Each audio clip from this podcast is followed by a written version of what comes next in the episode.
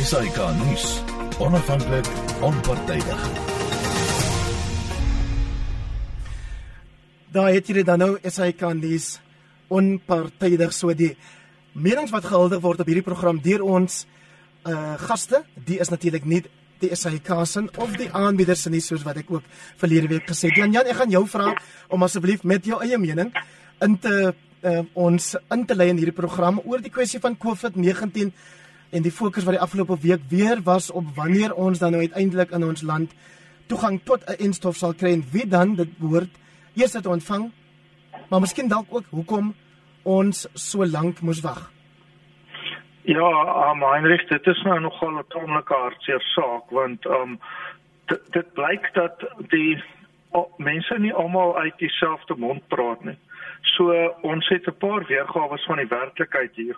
Soos wat ek dit verstaan, het Suid-Afrika nagelaat om die aanvanklike geld te betaal om aan COVAX, dis die wêreldwye program om die aan die inentingsstof te voorsien aan um, deel te hê en dit het die land suur bekom. Nou um, die regering het aangevoer dat uh, dit is uit 'n konservatiewe hoek uit gedoen want hulle wou eers kyk watter enstof werk, maar dis natuurlik nie hoe jy daai kontrakte op stel nie. So dis 'n bietjie van 'n slap storie. Ehm um, wat gebeur het is dat ons moes 'n uh, bedrag van 2 miljard rand betaal wat die regering nie betaal het nie. Tweede solidariteitsfonds, dit is die private sektor fonds wat deur ehm um, Gloria Serobe hulle bestuur word. Toe het hulle 328 miljoen neergesit om vir ons 'n begin te gee daar, maar in hierdie stadium is dit onseker of ons wel die volle bedrag betaal het. Terselfdertyd sê die regering daar is enstof op pad van Indië af en dat die eerste miljoen um enstofbesendings dis sal voor die einde van hierdie maand hier wees en die ander half miljoen dis sal kom in Februarie sien ons glo sal ek sê. Jan jou indrukke of mening oor hoe Suid-Afrika tot nou die kwessie van die instof hanteer het?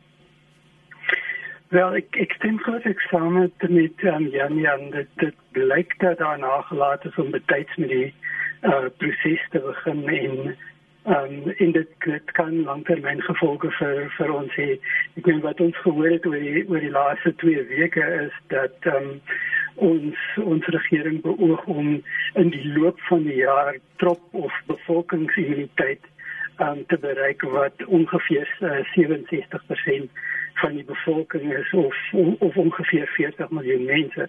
As jy mens kyk na die na die aantal um, dosisse wat al klaar bevestig het, uh, is met ander woorde die COVID fasiliteit wat ongeveer 12 miljoen is as ek nie mis het nie.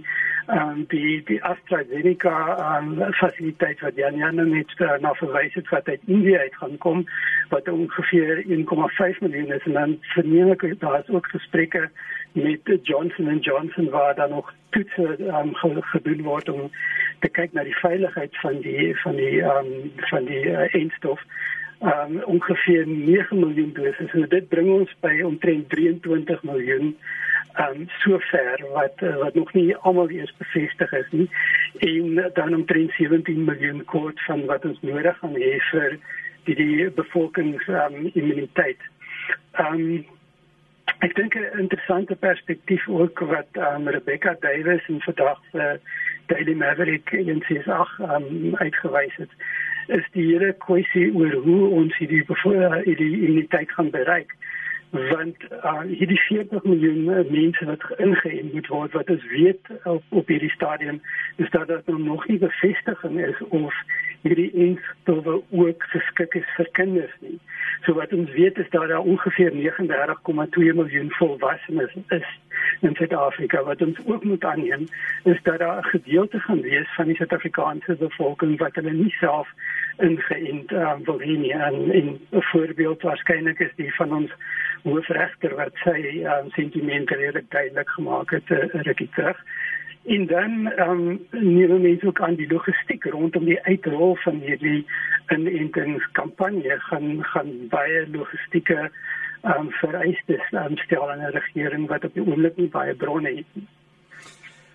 Jan Jan, mens weet dat mense het die reg om te weier of in te stem om die instof instof liewer te neem. Jou mening oor die mense wat sê ek sal nie want hulle glo in allerlei samesweringsteorieë? Wel, die weet dis hulle goeie reg. Dit laat meer vir die res van ons net. So, ehm um, ja, ek ek sou nie self daai besluit neem nie. Ek is heeltemal bereid om ingeënt te word. En dit wil voorkom asof daar ook moontlik 'n ooreenkoms kan kom tussen ehm um, die private mediese fondse en die staat. Um wat 'n mens hoor is dat daar omtrent 15 miljoen Suid-Afrikaners blykbaar op mediese fondse en ek sou daarmee Jan saamstem dat dit sal seker aan kinders insluit want anders ter um Ja, anders is 'n regtig groot getal. Of ekskuus, ek is verkeerd met die getal. Ek het gesê uh, ek bedoel 15% sê hulle van Suid-Afrikaanse volwassenes ja. waarskynlik is op mediese fonds. Jammer man, my syfer was verkeerd. Uh, 15% en dat die ooreenkoms met die mediese fondse wat nog nie aangegaan is nie, maar wat tans onderhandel word, sou wees dat vir elke een van die mediese fonds wat uh, betaal vir elkeen van hulle lede om hierdie inspuitings te kry, gaan um, daar een van die staatsstelsel ook opgeneem word en dit is dan 15% plus 15% wat ons by 30% bring en dis redelik hoog. So dis 'n goeie begin. Ehm um, wat myself aanbetref, ek sal nie vir enigiemand voorskryf nie want die mense wat teen inentings is, het fisieke sterk opinies en sê weet dis daar is elke opinie mos geldig. Maar ek self wil dit nie daai opinie nie. Ek weet nie van jou Heinrich en van jou Janie, maar ek is gereed om ingeënt te word sommer gister al. Gelukkig hoef ek as aanbieder nie 'n mening te hê nie. Jan, die Sunday Times se hoofberig vandag uh, begin met hierdie woorde: The government has centralized the vaccine rollout and implemented new safety checks to prevent the corruption and looting that overwhelmed the rollout of personal protective equipment last year. Wat 'n aanklag is dit nie teen ons land nie, stem jy saam? Beslis ek ek dink rein die die penarie waar ons onsself in bevind het nog voor die die die um, covid cases begin het was 'n probleem van van oorsig.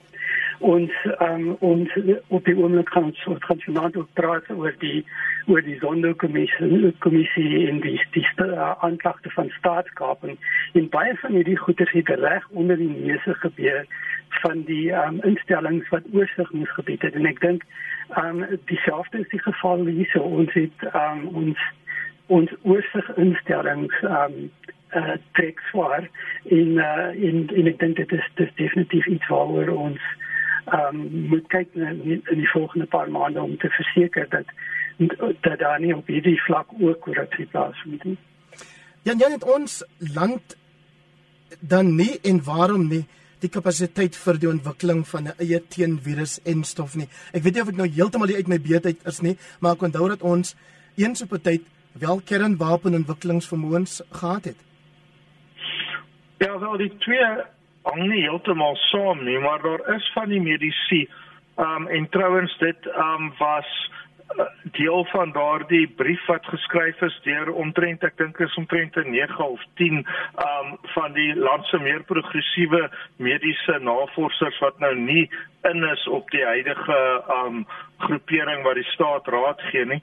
Um daar was byvoorbeeld 'n hele paar van Wits Universiteit en van Universiteit van Kaapstad en so wat um wat was daai brief geteken het waarin daar gesê is dat ons in 'n stadium die vermoë het om enstowwe te ontwikkel. Ek sou my nie te veel daarbey vassteek nie want um dit is so dat dat daar enstowwe ontwikkel is maar hier is mos nou 'n ander een en is mos nou nie dieselfde nie. En ons weet ook nie so baie van hierdie virus nie. Ons leer die hele tyd daar kom nuwe variante. As dit die, die Suid-Afrikaans-Britse variant is nie dan is dit die Brasiliese een. So jy weet wat is is en wat was was. En ons is nou waar ons is en ons is nie waar ons was nie. So ek dink um, 'n mens moet nou kyk hoe kry ons hierdie in die hande? Ons is daarom nog in die posisie waar ons 'n deel daarvan kan vervaardig want Aspen en Port Elizabeth die vervaardig um, van die instowwe vir Johnson Johnson of deel daarvan en nou moet ons regkom hierso maar ek sal baie gemakliker voel as die Sunday Times dalk 'n bietjie uit is en daar nie 'n volkomme sentralisering is nie want ek is bevrees ons staat is nie baie kapabel nie. In die afwesigheid van daai enstof Jan is daar mense gewone burgers as ook landbouorganisasies en burgerregte organisasies soos AfriForum wat aandring daarop dat ons dit wat ons weet wel tans reeds in die land beskikbaar is weliswaar as vee medikasie ivermectin, as dit is hoe mense dit sê, as 'n alternatief goedgekeur moet kry. Nee, ek is nie ek is nie 'n mediese deskundige nie wat ek wel gehoor het is dat daar twyfel uh bestaan oor die effektiwiteit. I mean, weet nie, mean, weet nie wat er, wat er skade dit kan doen. Ehm um, daar daar is mense wat wat wel genoem het dat dit dat dit wel tot op mate kan help, maar ek sover ek weet is daar nie enige kliniese toetse wat wys dat ehm um, dat dit effektief is nie. En dit het Dr. Angelique Kutse ook die afgelope week gesê as voorsteur van die Suid-Afrikaanse Mediese Vereniging. 'n Laaste vraag oor die kwessie van COVID aan jou Jan Jan as 'n oud onderwyser en jou Jan as 'n ouer. Julle reaksie op die uitstel van die heropening van skole.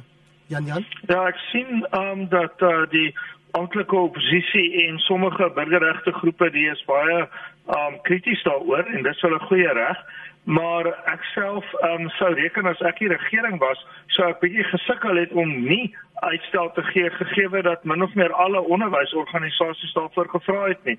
Ek het SAOE se verklaring daaroor gesien en vir my lyk dit hulle wil eintlik hê dit moet um vir die onderwysers ook verder um uitgestel word. Soos dit staan begin die bestuurspanne van skole ek dink die 25ste Januarie die onderwysers op die 1ste Februarie en die kinders op die 15de en dit lyk my hulle wil hê die onderwysers um moet later begin as ek dit verkeerd verstaan het vra om verskoning maar ek dink nie ek het nie.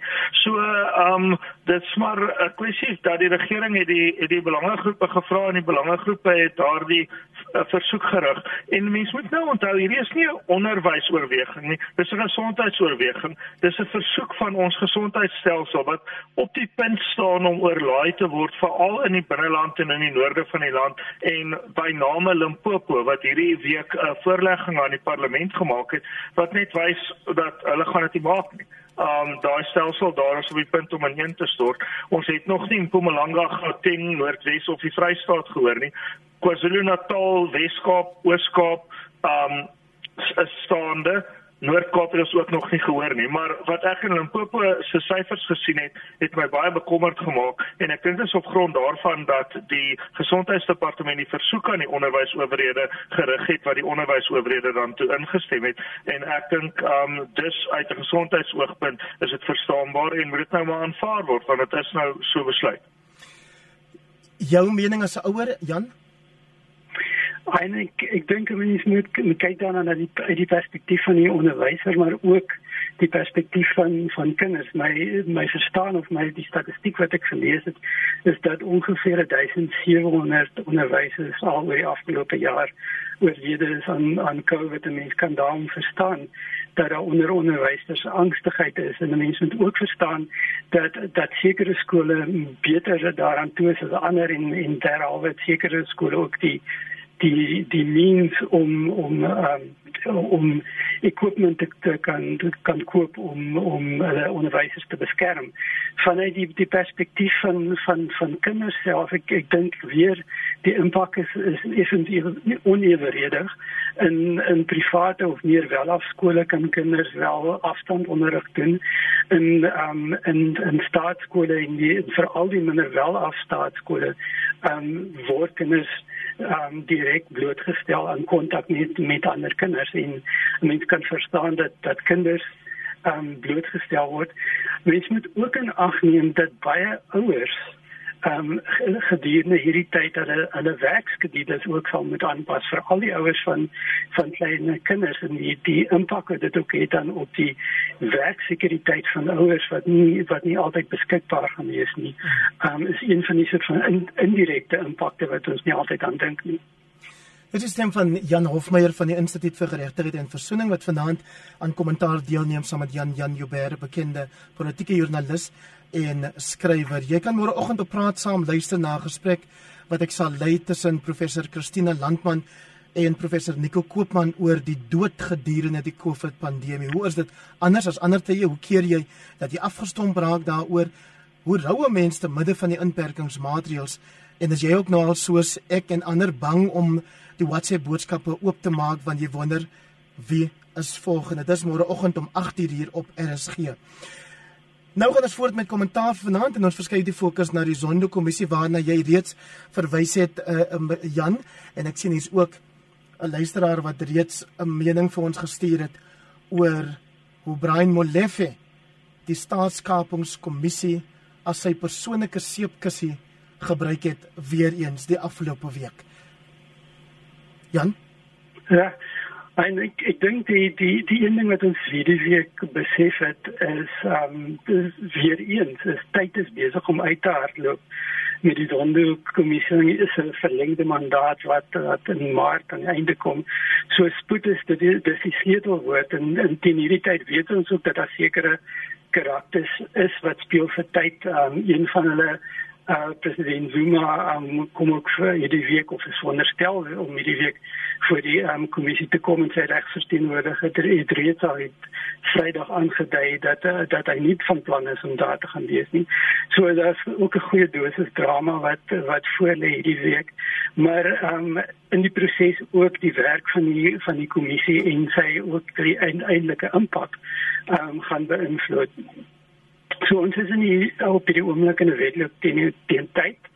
En en die laaste ding wat die kommissie kan doen is om eie doele aan te teken deur prosedure prosedurele blokse te maak soos dit in die geval van van die getuienis van van Anoshin sien die week was.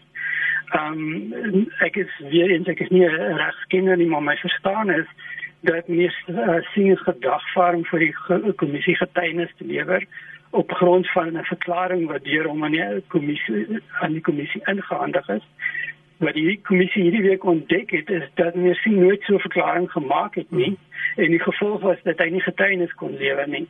En die feit dat niemand dit in die aanloop van hierdie week se getuienis gesien het nie, um blyk vir my 'n flagrante uh foute wees en en ek het baie regskundiges al ge, ge sê dat hoe op aarde is dit moontlik dat dat so 'n feit gemaak of so 'n fout gemaak is. Jan Jan jou indrukke oor die vertoning van die heer Brian Molefe. Ja, dit was nie indrukwekkend nie. Hy het ten minste hierdie keer die trane ingehou um en hy het homself gehou aan uh, burger restaurante, hamburger restaurante wat werklik bestaan eerder as shebeens in die lug of um in die lugkastele wat hy bou tussen sy trane deur. So um nee, um hy is maar wat hy is. Um ons is almal wie ons is en my opinie van hom het nie in die minste verander nie.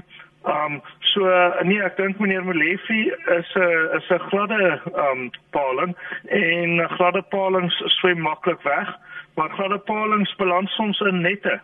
En um ek het tog 'n gedagte dat uh, wanneer as jou koofregter Zondo nou herstel van sy um isolasie weens COVID wat deur iemand in sy span opgedoen is, dan gaan hy van hierdie palings inkatrol en miskien is meneer Molefe by verre nie die enigste nie, maar ook nie een wat gaan wegkom nie. Wat um die Anos Singh kwessie betref vir diegene wat um nou nie heeltemal dit gevolg het nie, meneer Singh is een van die manne daar by Eskom wat maar um redelik dopgehou word nadat hulle lank nie genoeg dopgehou is nie.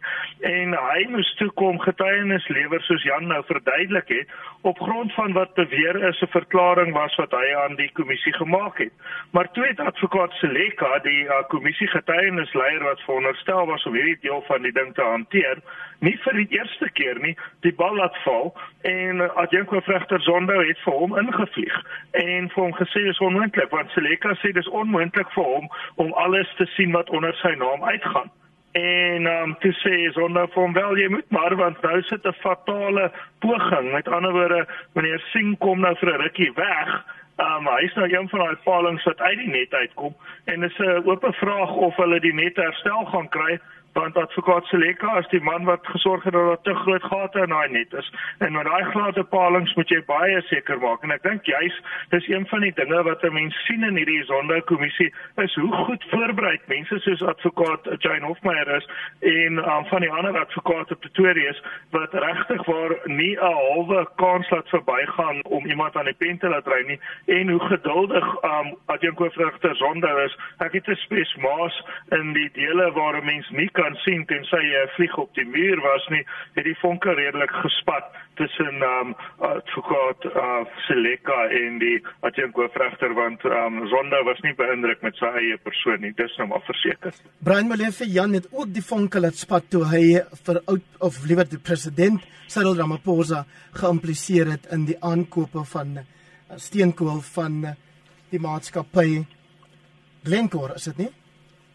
Ja, dis dis dis reg. Ehm um, in uit uit uh, president Ramaphosa ge, geïmpliseer um, op grond van die feit dat um, president Ramaphosa op het stadium ook um, voorzitter was van, van die, die Glencore board, wat ons al gezien heeft in, in president Ramaphosa's actie, of de reactie was dat hij gezegd dat hij zou terugstaan als hij wel aangeklaagd wordt van, van corruptie. En, en ik denk dat geen mensen aanduiding van, van hoe zeker hij van zijn zaak is um, in in in hierdie spesifieke opsig.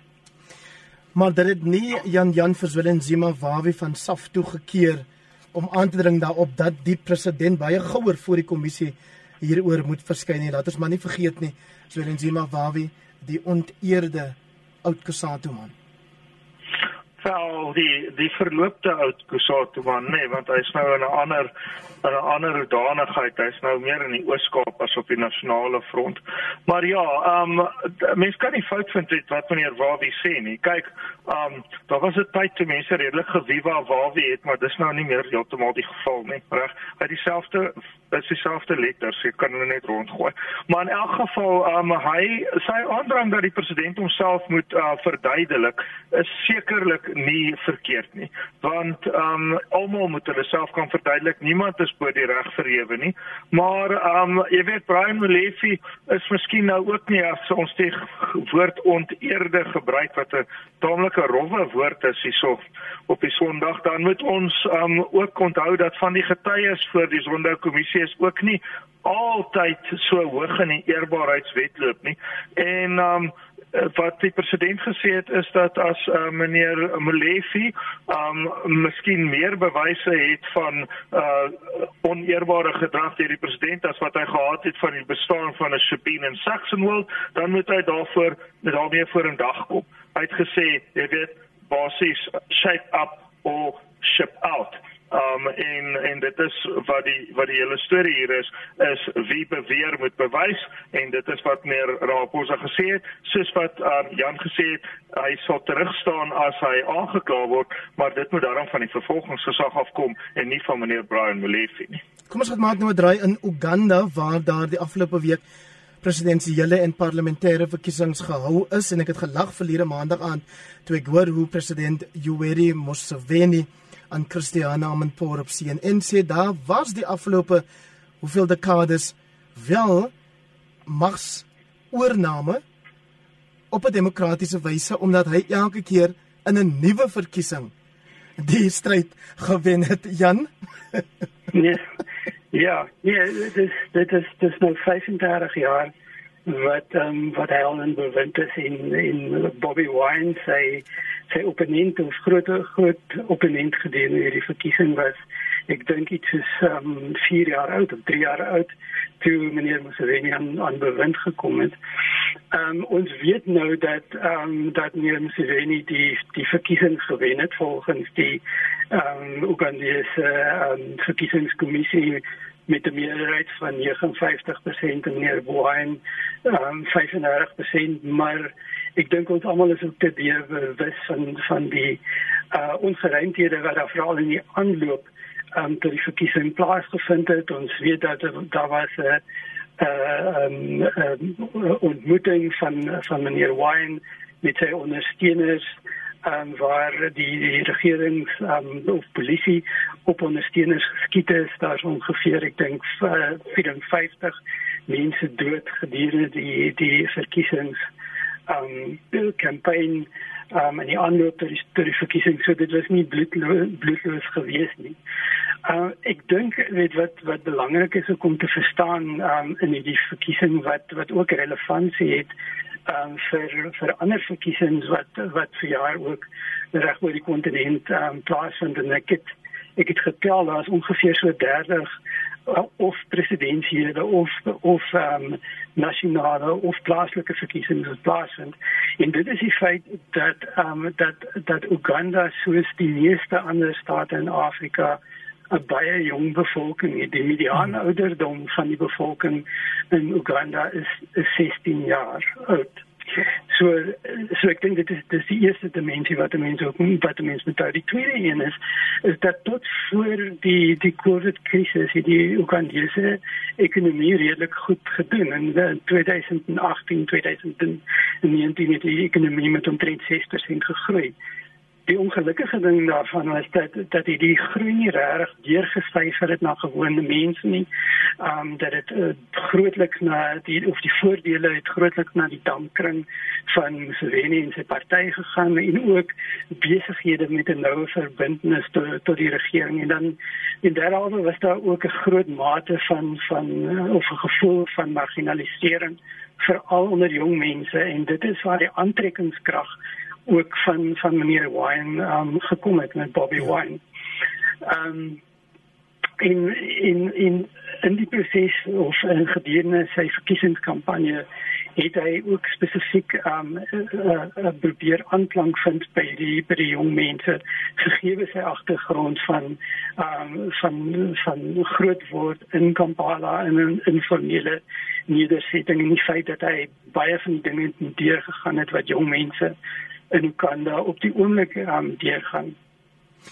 Wat ook gebeur het en ek dink dit dit skakel op by gesprek wat ons dalk later gaan hê, is dat in die aanloop tot die verkiesing in die laaste week is die internet afgeskakel. Ja. Wat natuurlik die lewensbloed van van inligting is vir al vir jong mense wat op die sosiale media kommunikeer met mekaar. So Jan Jan behalwe hierdie blokkade van sosiale media en die internet en intimidasie en verdrukkingstaktiek en ander beweerde skelmstreke van die president Museveni en sy ondersteuners is daar altyd maar die vraag bestaan daar 'n sterk genoeg alternatief in Uganda so wat ons ook dikwels vra oor Suid-Afrika en ander Afrika lande Wel, dis ook 'n vraag, jy weet en as jy mooi luister na kyk Janus se verstandige ou en hy het nou baie gefokus op wat voor die verkiesing gebeur het. Ehm um, daar was twee ander dinge wat mens kan byvoeg.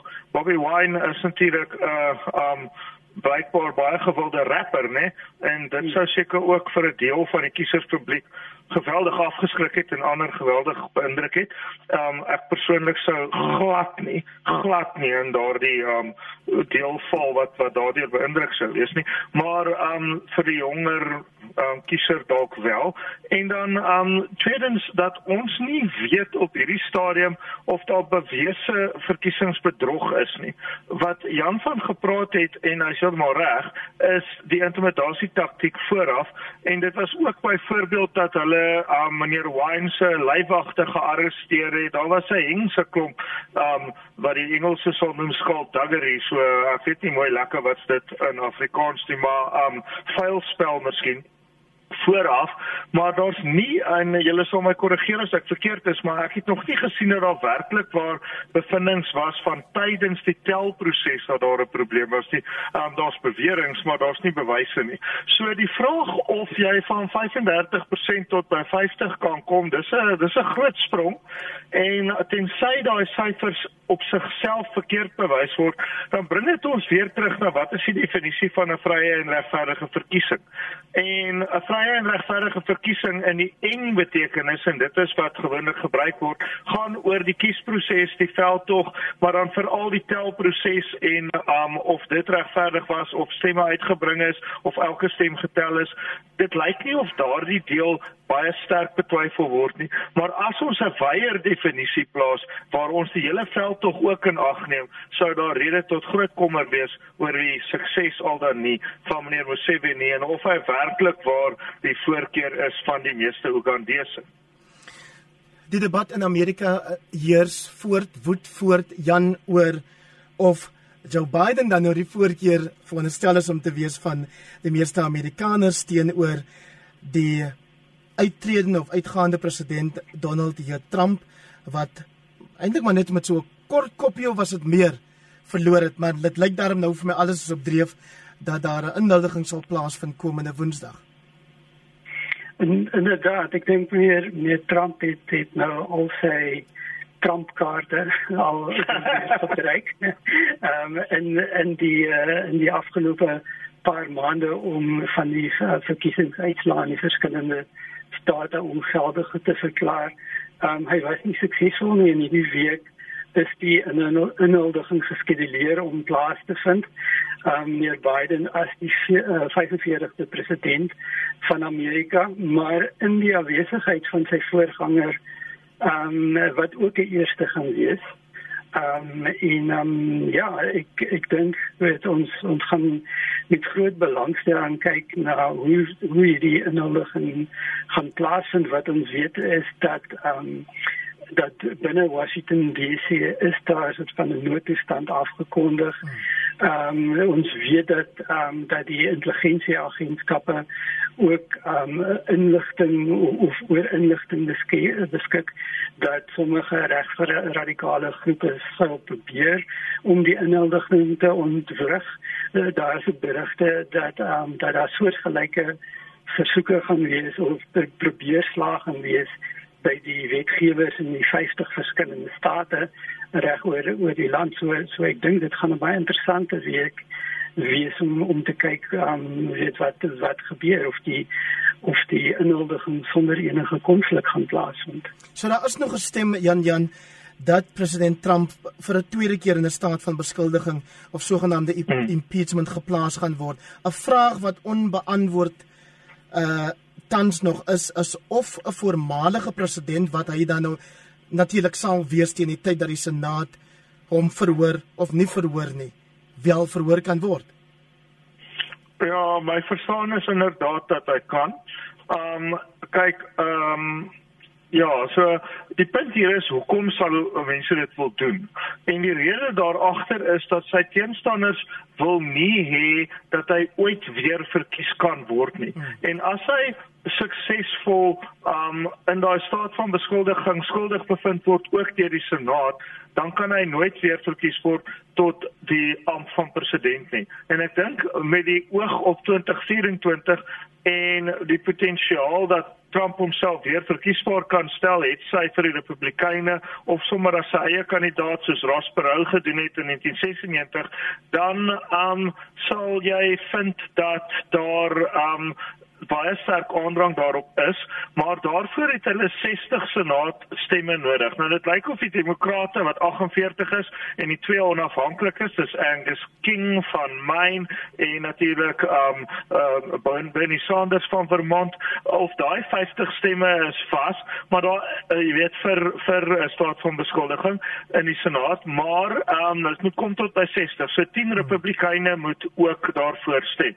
Nou begin jy kyk, dan sien jy Susan Collins van Maine goeie kans daarvoor. Daar's die een senator van Louisiana, daar is Pat Toomey van um Pennsylvania, daar is Mitt Romney van Utah, nou staan ons op 4. Um McConnell het aangedui privaat dat hy dit dalk sal oorweeg dan sy op 5. Nou kan jy kom tot by 10. Ek het um saam met ons gesin gesit vandag en en dit uitgewerk en ons het gekom tot by 8, maar nie tot by 10 nie. As daar 10 Republikeine by die 48 Demokrate en die twee onafhanklikes kom, dan het meneer Trump moeilikheid en dan kan hy nie weer verkies word tot so 'n openbare ampt nie. Wat sou jy reken Jan behoort die aangewese president Joe Biden se eerste prioriteit te wees nadat hy ingehuldig is? Wel ek ek dink die die eerste prioriteit um, lyk dit vir my gaan wees om um, om om baie sterker of 'n baie sterker boodskap uit te stuur oor die gevaar van van COVID. Ek dink um openbare gesondheidsorg ek is, is een van die dinge wat gedurende um hierdie uh, pandemie regtig na vore gekom het as 'n as 'n baie swak groot swak plek in die mondering van van die um die Amerikaanse um geselskap of staat. Ehm um, wat ons wel ook aangevoel gesien het dat hy aandag gaan gaan skenk aan aan aan klimaatsverandering maar maar ek dink weet op 'n op 'n meer sosiale vlak gaan die groot uitdaging van meneer Biden gedurende die volgende 4 jaar wees om versoening in Amerika te teweeg te bring in 'n in 'n bevolking wat diep diep verdeeld is en en hoewel meneer Biden gewen het of weet mense dat ongeveer 75 miljoen um, Amerikaners ja. uh, vir vir meneer uh, Trump gestem het in um, in Sudan sê um, die, die volgende verkiesing is net 4 jaar weg. Hm. die laaste 4 jaar het baie vinnig um, gevlieg en en die gevaar natuurlik is ehm um, soos Jan Jan genoem het dat meer meneer eh, Trump kan besluit om weer te staan. Maar die alternatief is dat daar 'n meer gepoleerde weergawe van meneer Trump met dieselfde gevaarlike beleidsrigtinge um, in sy plek in kan stap en um, wat waarskynlik meer aanvaarbaar gaan wees vir mense wat afgesit is deur deur meneer Trump se baie robuuste benadering tot um, tot tot die politiek. So ek ek dink vir meneer Biden gaan gaan dit regtig 'n uh, baie groot uitdaging wees om Amerikaners weer nader aan aan mekaar te bring. En ironies ge, uh, genoeg is weet ek dink dit gaan dit 'n geval wees om die Amerikaanse gesels uh, samelewing weer sterk te maak. Um, iets wat meneer meneer um, Trump um, met sy slagspreuk van make America great again nie gedoen het nie inteendeel het hy die die teenoorgestelde bereik. Jan Jan die verdeeldheid wat ons in Amerika sien speel veral ook op sosiale media uit en 'n belangrike debat wat hierdie week ontstaan het nadat Facebook en Twitter besluit het om die rekenings van eh, meneer Trump te sluit of te skrap eintlik is wat dit beteken vir vryheid van spraak. Ja, dis 'n saak met twee kante, Heinrich, jy weet. Um Geef ons al twee kante. Geweld is um is haatspraak ook binne Suid-Afrikaanse um definisie. En die vraag wat jy moet afvra is, het meneer Trump sy ondersteuners aangehits tot geweld? Nou sien ek daar's 'n verskil van mening daaroor. Party mense dink 'n fight like hell is nie um om aan te hits tot geweld nie. Party sal dalk anders voel. Um en dit was die bepaling wat daar ter sprake gekom het, maar nou sien 'n mens dat daardie ekstreme stap wat wel binne die vermoë van um van Facebook en Twitter lê soos wat ons gesien het want hulle het dit mos nou gedoen. Um lê dit binne hulle mag ook. Dis die vraag. En jy sien dit word nou reeds deur 'n baie um koelkop leier soos Angela Merkel van Duitsland uh, veroordeel of sy, sy sê dit maak haar ongemaklik en die Chinese die gebruik dit nou sommer om te sê sien daar is um daar is dieselfde tipe sensuur in Amerika wat ons hier in Hong Kong toepas. So um dit gaan verskillende gedagtes gaande maak. Um ek persoonlik sê altyd, jy weet, want mense het daai selfde probleem op sosiale media um met kommentare by berigte, sê nou maar vir Marula Media of vir Netwerk 24.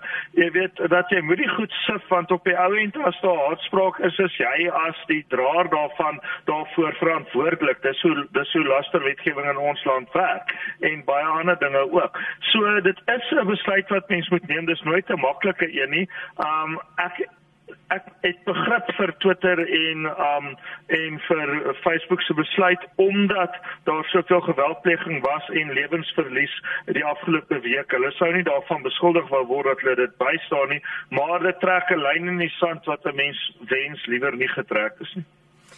Dis en waar ons moet dankie sê en moet groet vir vanaand se uitgawe van kommentaar. Baie dankie Jan Hofmeyer dat jy weer beskikbaar was en ek hoop ons kan jou baie gou weer op die program gebruik. Jan die hoof van navorsing en beleid by die Instituut vir Geregtigheid en Versoening en saam met hom uh, stem wat julle baie gereeld hoor op ons program Jan Jan Joubert, joernalis en skrywer en seun van 'n uh, baie bekende skrywer ook um, en dan uh, wil ek vir julle baie dankie sê dat julle getrou elke Sondag aand inskakel en luister na ons program.